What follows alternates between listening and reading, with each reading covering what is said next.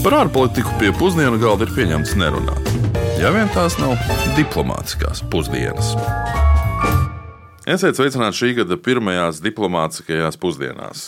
Mēs ļoti labi apzināmies, ka pēc Ziemassvētku un jaunā gada brīvdienām daudzi jau jūtas gana pārēdušies, taču intelektuālā pārtika nevienam gan nav kaitējusi. Un, un, un arī mēs ar Kārlu esam izlēmuši gadu uzsākt ar fizisku nenašķēšanos, taču analītiski izklaidējošu pasaules izpēti no tā pilnīgi noteikti necietīs. Nu, tā kā jaunais gads ir viss sākums, tad šogad pirmais raidījums laikam jāsaka ar ļoti varenu. Nu, tāpēc šis raidījums būs veltīts apvienotajai karalistē, vai kā mēs to bieži saucam, Lielbritānijā.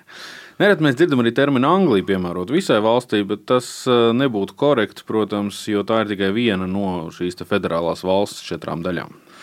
Te patiesībā arī ir jāpaskaidro smalkā nosaukuma nianse, nosaukuma iemesls un arī atšķirības starp uh, tiem, kas ir saistīti ar Britu salu garo un sarežģīto vēsturi. Un starp citu, kas ir interesanti, termins liels uh, tika pievienots salas nosaukumam no franču puses, un tas notika viduslaikos, lai atšķirtu Bretaņas reģionu no Britānijas salas.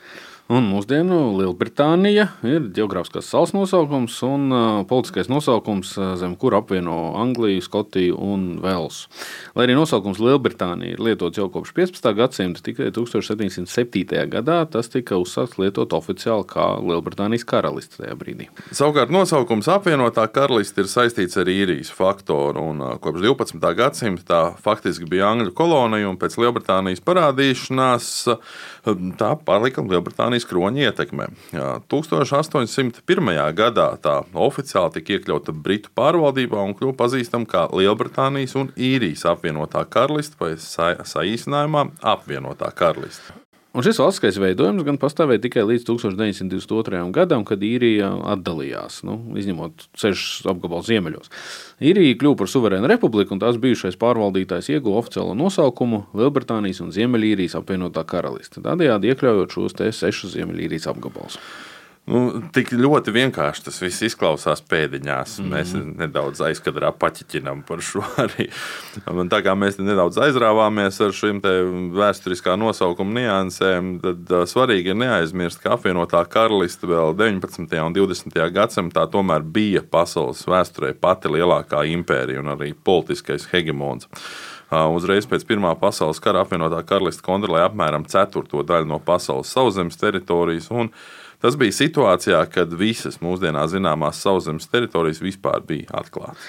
Pēc atsevišķiem datiem, tobrīd apvienotā karalists kontrolē ne tikai 24% pasaules sauszemes, bet arī apmēram tieši tādu pašu procentu pasaules iedzīvotāju. Simts gadus atpakaļ nu, tie bija vairāk nekā 400 miljoni cilvēku. Un šo vēsturisko procesu rezultātā apvienotajai karalistē vēl aizvien pieder 13 aizjūras teritorijas, no kurām zināmākās, kas jau ir izskanējušas arī mūsu iepriekšējos raidījumos, protams, ir Falklands salas un Bermudas salas. Kā arī pastāv nācijas sadraudzība, kurā ietilpst 54 mūsdienu valsts, no kurām 15 valstīs karaliene Elizabete II vēl joprojām ir valsts galva. Nu, arī par tām mēs vairāk kā mēs esam iepriekš runājuši raidījumos. Bet šobrīd gan būtu pēdējais laiks paklausīties, ko par apvienoto karalisti zina mūsu klausītāji. Valsts ir Lielbritānija. Ar lētām precēm asociējās karalieni. Mhm. Ar to, ka izstājās no Eiropas Savienības. Mhm. Arī, jā. Jā. Esmu dzīvojis mazliet Trīs mēnešus dzīvojis Lielbritānijā. Tas netālu bija Briselis. Tas ir labs valsts, bet man nepatīk tur laiks.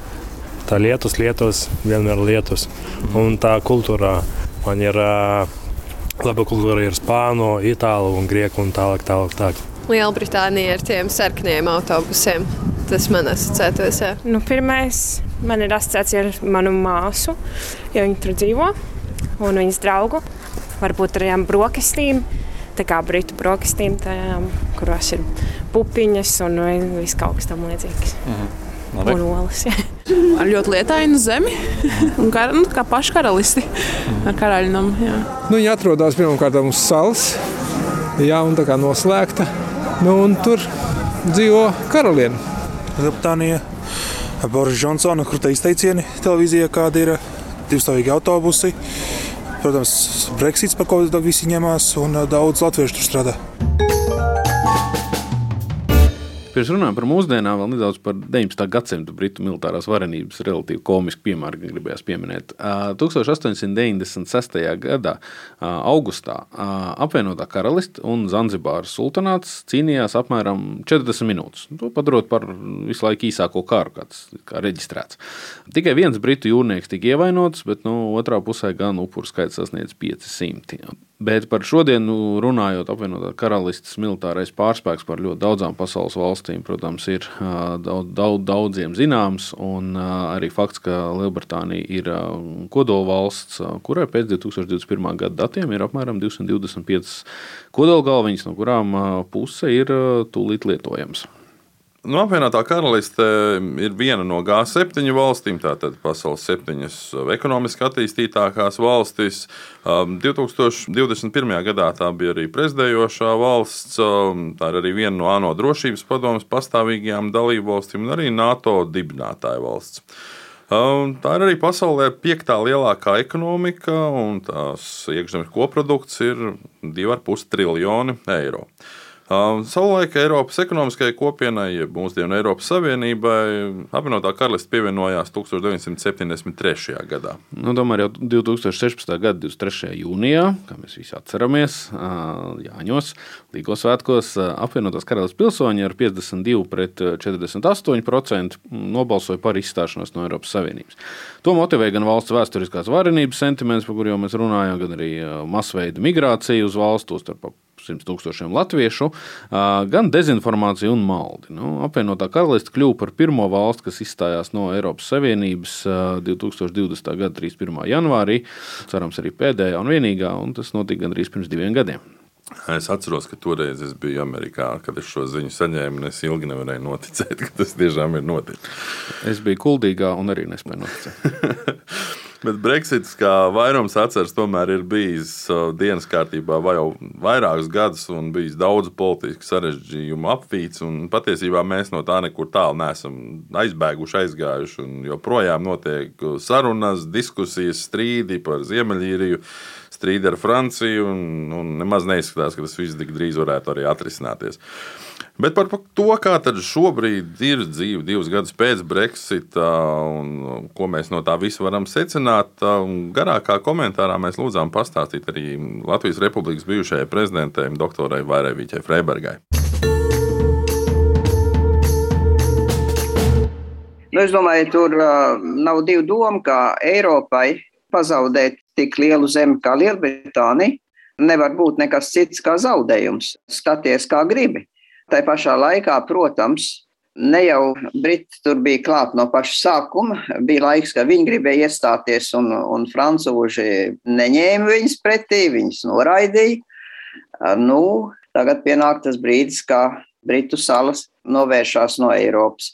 Un tas ir, ja atceramies, paturam prātā, kāda izskatījās balsojuma karte tieši pēc referenduma, tad ir skaidrs, ka, manuprāt, pašai Lielbritānijas sabiedrības vienotībai, saliedētībai, pats viss tas referendumu process un viss šis Brexit process par labu nekādā veidā nevar būt nācis, jo viņš tikai pastiprināja to, ka Skotija sev uzskata kā atšķirīga no pārējās Lielbritānijas, Ziemeļīrijas situācija un, un īpašās problēmas, kas ir saistīts ar fizisko zemes robežu starp Ziemeļīriju un Īrijas republiku eh, ir ļoti nevēlams un nelabvēlīgs tieši īru salas turpinātam mieram un stabilitātei un labklājībai arī.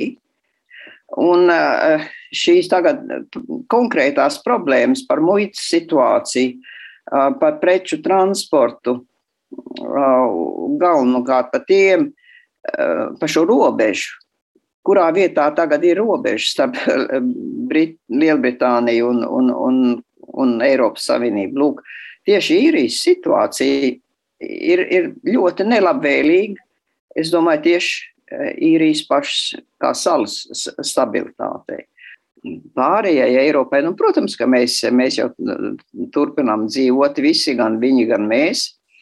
Bet viņiem, nu, piemēram, tur bija ļoti daudz vecāku ļaudis, kas kaut kā jutās, ka Lielbritānija atgūs savu impērijas, milzīgās impērijas centra posmi un, un lielumu, diženumu atšķiroties no Eiropas, jo kā nekā viņi ir, ir pārāk, saprotiet, visi citi tur visādi sīkas zemītes, tādas tur Baltijas valsts, Luksemburga un kas vēl ne. Un uh, man ir savu laiku, ir, prez, laika, ir prezidentēs, jūs ziniet, mums īriem tas bija milzīgs gandarījums, uh, ka šie briti, kas mūs tik ilgi uh, ilgus gadsimtus uzskatīja par zemāku šķiru un, un, un pakļautu tautu, ka tagad ir spiest sēdēt pie mums kā līdzīgs ar līdzīgu pie viena galda. Un man šķiet, ka Lielbritānijā ir tāda paudze vēl, vēl šobrīd vēl dzīva ar šo garu, šo lielā, savā ziņā lielumānijas, bet, nu, savulaik, protams, īstā impērijas diženuma atmiņām vēl prātā un, uh, un ka viņi, viņi, viņi nejūtās ērti kā viena no. Uh, viņi grib nu, būt unikāli. Nu, tagad viņi ir atkal unikāli. Nu, Dievs ar viņiem. Uh, man savulaik radās tāda sajūta, ka tad, kad, ja nemaldos, Deivids Kamerons pirmo reizi nāca klajā ar šo ideju par izstāšanos par referendumu, uh, ka viņš nu, dziļumā negrib, negribēja ticēt, ka tas izies cauri. Uh, vai tas, vai, kā jums liekas, vai šis projekts? Jā, tas, es uzskatu, Kamerons ir uh, ierindojams uh, sliktākos uh, Britu vēstures valstsvīru pašā galvgalā, jo tas bija tik bezatbildīgs lēmums un tik bezatbildīga attieksme.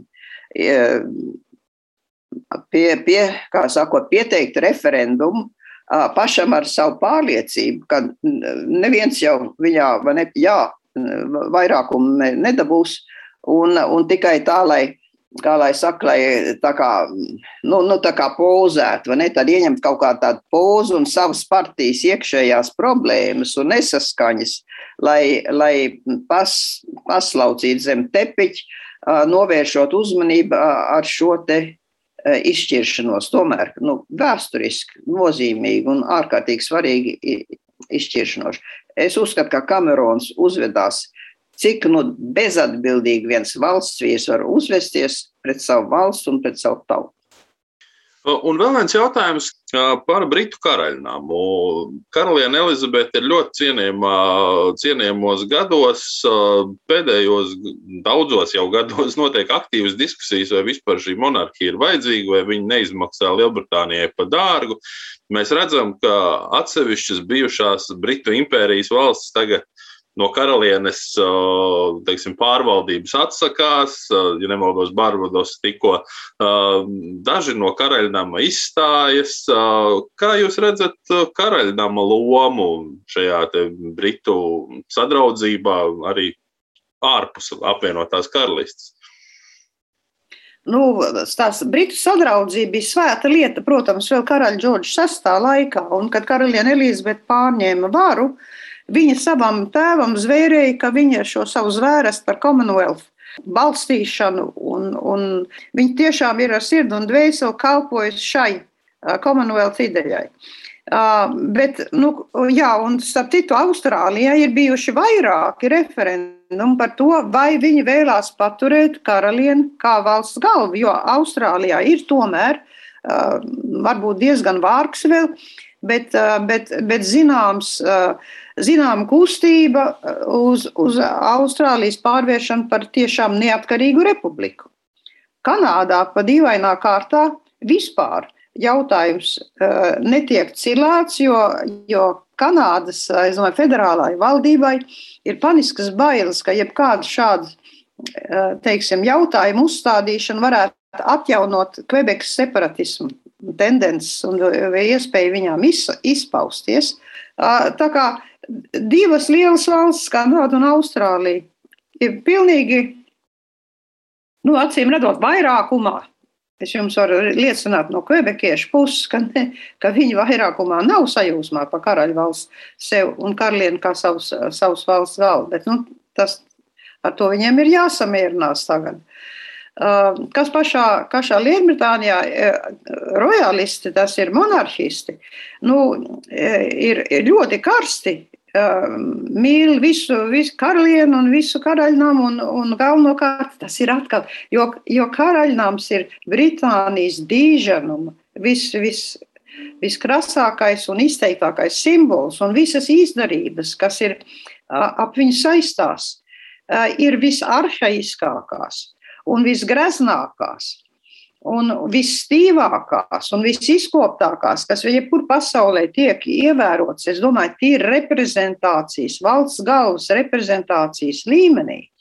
Un, un tas, tas viņiem nāk kā mantojums no, no Lielbritānijas, kā lielvalsts ar milzīgu visas pasaules mēroga uh, koloniālo impēriju. Uh, viņa ir simbols uh, šai ļoti dziļai saist, saitei ar Lielbritānijas diženumu un diženumu pagātni, kas tomēr, es domāju, ļoti daudziem, daudziem angļiem, velsiešiem un, un, un citiem emocionāli ļoti daudz ko nozīmē.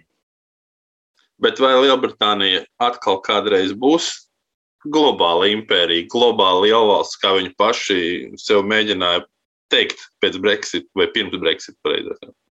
Nu, es domāju, tas bija tiešām sapņošana krāsās, kā frančūzi saka. Es atceros tādu ārkārtīgi zīmīgu epizodi. Tieši tajā, tajā naktī, kad viņi svinēja to datumu, kurā nu, sākās tā viņu brīvība, kā viņi to formulēja daudz. Ja? Tur iziet vecas tantiņas ielās un saka, mēs tāpēc, kā, ko jūs sviniet? Mēs beidzot esam brīvi. Es, es savā prātā domāju, brīvi no kā? No kā? Nu, jā, piemēram, austrumu eiropieši viņiem nepatīk. Tie viņiem traucē. Taču kā mums ir tāda pinās no kājām, bet Anglijā, ja jūs aizbrauciet uz Londonu, tur var braukt divas stundas cauri pilsētā un neredzēt nevienu baltu cilvēku. Tātad, kur, ja viņi tos var no savām bijušām kolonijām pieņemt kā savējos, kur viņiem radusies šī milzīgā Es nezinu, šī, šī nepatika pret, pret tieši uh, austrumu eiropiešiem. Tā man arī tā ir. Varbūt Eiropa, viņi šie ļaudis tiešām slikti uzvedās, ka viņi tur aizbrauc, ieskaitot mūsu tautieši. Par to es, es tik tiešām nevaru spriest. Man, man pārsteidz šis viņu uh, nu, diezgan izteiktais, viņu ne, nesimpātija pret austrumu eiropiešiem. Ļoti izteikti. Ja? Tas vismaz strādnieku aprindās. Tā, tā ir ļoti, ļoti manāma. Un, tā, jā, un tagad uh, žurnālisti, uh, televīzijas komanda aizbrauc uz Portsmouth laikam, jeb nu, vienu no tām ostām, kas ir uz, uh, uz Lielbritānijas rietumu krasta. Ja? Un viņiem tagad saka, ziniet, ko mēs tagad nācām filmēt, un, un ostas, ostas pārvaldniekam saka, tagad, kad mēs esam brīvi, um, Kādi tad būs tie tirdzniecības apjomi mums pāri par okeānu? Jūs saprotat, mēs bijām piesiet tur pie tā kontinenta, un tagad viss brīvais, plašais Atlantijas okeāns mums paverās kā brīvs mūsu, mūsu labklājības kopšanai un, un zelšanai. Un sakiet tā, cik tad, cik tad liels ir tas, tas tā, tā ap, cik liela ir apgrozījums starp, starp uh, Ameriku un, un, un Lielbritāniju, un šo ostu un, un Eiropu. Un tas uh, ostas pārvaldnieks redzam ļoti nelaimīgs jūtās. Viņš saka, nu redziet, mums 80% no mūsu apgrozības notiek ar Eiropas Savienību. Un cik tad jums ir ar Amerikas Savienotām valstīm? Nu, kaut kur starp 5, starp 5 un 10 procentiem. Nu, labi, es nezinu par to, par tiem diviem gadiem, cik tas tur ir skāps un mainījies. Bet nezinu, vai kaut kādos stratosfēriskos, saprotiet, augstumos. Es ļoti šaubos. Būtu interesanti pārpainteresēties. Lai cik būtu paēdis, vienmēr ir vieta arī desertam. Un patiesībā šodien desertā pie tējas varētu būt pat ļoti daudz dažādu saldo, dažādu interesantu faktu. Varētu stāstīt gan par Stonehenge, gan par Sherlock Holmesu, Harry Potteru, gan Robinu par Hoodu gan par universitātēm, Oksfordu, Kembridžu, gan par Seru Winstonu, Čērčilu un citiem, un tā tālāk, un to joprojām. Nu, nu, varētu stāstīt arī veselu raidījumu, veltīt par daudziem visai savdabīgiem brīžiem, pat absurdajiem likumiem, kas pie Britiem joprojām ir spēkā gadu simtiem ilgi. Nu, piemēram, par to, ka krogā ir aizliegts atrasties, ja tu esi piedzēries, vai arī aizliegts izkratīt savu paklāju pa logu pirms astoņiem no rīta. Nu, tā tiešām varētu turpināt un būtu vajadzīgs vēl viens raidījums. Mēs jau vienā no raidījumiem minējām, ka nepilnīgi 60 gadus atpakaļ, 60. gadu vidū, respektīvi, Lielbritānijā bija arī pēdējā uh, ragana tiesāšana. Uģi, es tev tagad nosaukšu ciparu un vārdu virkni, un tu pamēģini uzminēt, ko es ar to domāju. 14 apvienotās karalistes premjerministri, 13 ASV prezidenti, 73 laulības gadi, 69 gadi tronī un profilu bildu uz 35 pasaules valstu monētām. Kas tas ir? Nu, jā, tas uh, man ir pilnīgi pilnīgi nojausma, ko tu gribēji ar to visu pateikt. Un, ja mēs šādi sabiezinām visus skaitļus un faktus, tad tā mēs varētu īsumā raksturot Lielbritānijas karalieni Elizabetu II. Un, un, un tādēļ, statistiski raksturot. Statistiski, jā, tādēļ šodien pie tējas, kuras, starp citu, briti izdzerot ap 165 miljoniem tasīšu dienā, mēs ar tevi ēdīsim vai mielosimies ar karalisko ģimeni. Sarunājuši. Um, tomēr, um, lai nebiedētu klausītājus, mēs um, gluži neēdīsim tiešām vārdu tiešākajā nozīmē karalisko ģimeni, bet uh, mēs mēģināsim tā īsumā atspoguļot, cik varbūt sarežģīta ir um, nu, Britu karaliskās ģimenes uzbūve un uh, titulu mantošana un piešķiršana. Un tas varbūt izskaidrojams arī ar to, ka nu, Britiem pašiem nu, patīk laikam tas, ka viņi ir nedaudz sarežģīti. Jā, nu tā nu, Britu karaliskās ģimenes locekļi tiek saukti par viņa maistātēm. Valdošais monarhs, valdošā karaļa dzīves biedri, karalienes laulātais un viņa karaliskās augstības, karalienes dzīves biedri un jaunākie ģimenes locekļi. Kāds priekšvakarā vīriešu kārtas ģimenes locekļi parasti saņem vienu no karaliskā hercoga tituliem, kas par, par vēsturiski pieder kronim. Tādi ir deviņi, kas ir sakārtot atkarībā no dzimtas pārņemšanas pakāpes. Nu, Tādu titulu Edinburgas hercogs nesējis bija Elizabetes II vīrs, nu jau nelaiķis princis Filips. Un uh, pēc viņa nāves pagājušajā gadā šo titulu mantoja princis Čārls. Turpmāk tituls tiks nodots Filipa jaunākajam dēlam, princim Edvardam, kad un ja Čārls kļūs par karali. Par uh, Gloucester's hercogu titulu tiek apdāvināti jaunākie ģimenes locekļi, un pašlaik uh, šo nesā princis Ričards, Džordža V. mazdēls. Ar Kentas hercoga titulu tiek parasti apdāvināti monarha jaunākie dēli, un pašlaik to nesā Džordža V. mazdēls, princis Edvards. Nu, sekojoši Jorkas hercoga titulu parasti saņem otrie monarhu dēli. Tā to šobrīd nesā princis Andrew, Elizabetes otrās, otrais dēls. Un ar Kembridžas hercoga titulu tās tiek piešķirts jaunākiem ģimenes locekļiem, un nesējis pašlaik ir princis Viljams, tātad Elizabetes otrās mazdēls. Saseksas hercoga titulu saņem monarha jaunākie bērni. Tas bija paredzēts Elizabetes II jaunākajam dēlam, princim Edvardam, kurš tomēr deva priekšroku īpaši izveidotajam Veseksas grāfa titulam, ko nes Elizabetes II mazdēls princis Harijs. Um, bet sarežģījumi rodas tajā brīdī, nu, ja jums šis viss iepriekšējais neradā, nelikās pietiekami sarežģīti kad uh, troņmantnieks tradicionāli saņem Velsas prinča titulu un vienlaikus Kornvalas hercogu un Rotēzijas hercogu kā Skotijas troņmantnieka tituls. Tā piemēram, valdošais monarhs vienlaikus ir Lankasteras hercogs un Normandijas hercoga titulu nesējis attiecībā pret Normandijas salām. Bet par izņēmumiem runājot, ir izņēmums arī no izņēmuma. Un izņēmumu ir sastādījis Vindzors hercoga tituls, kas izceļas to, ka to radīja karalis Džordžs VI savam vecākajam brālim Edvardam, kurš pirms atteikšanās no troņa bija pazīstams kā karalis Edvards VIII un netika iepriekš radīts. Edvards neatstāja bērnus, un tāpēc līdz ar viņa nāvi 1972. gadā tituls atgriezās kronim. Nu, pēc šādiem deserta asartiem gribētos teikt, ka labāk mēs tomēr būtu ķērušies klāt pie smieklīgiem un varbūt brīžiem absurdiem likumiem. Mm, jā, nu to varbūt tas citreiz, jo nu, jāpaturprātā, ka tiesību sistēma ir parāžu tiesību sistēma Lielbritānijā, un viņa tiešām ir gadu simtiem sena, un ka pat arī konstitūcija nav rakstīta. Līdz ar to visi vis šie smieklīgās lietas, kas mums mūsdienās šķistu smieklīgas, ir īstenībā kaut kad iepriekš notikušas, un ir iemesls, kāpēc par to tā ir pieņemts kādā no tiesām lēmums.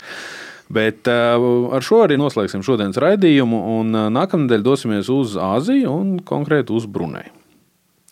Atgādināšu tikai to, ka šo raidījumu veido Esuģis Līpēns no Latvijas radio kopā ar dr. Kārlu Bukovsku no Rīgas Stradiņu Universitātes un Latvijas ārpolitikas institūta. Ja jums ir kāds nezināms fakts par Lielbritāniju, ar kuru arī vēlties dalīties, droši rakstiet to mums Facebook diplomātsko pusdienu profilā. Bet šodien paldies, ka klausījāties. Klausieties mūs arī atkārtojumos, ikvienā jums ērtā un pieejamā vietnē. Un lai veiksmīga nedēļa un arī jaunais gads. Nu, sadzirdēšanos pēc nedēļas. Diplomātiskās pusdienas katru otrdienu pusdienos Latvijas Radio 1.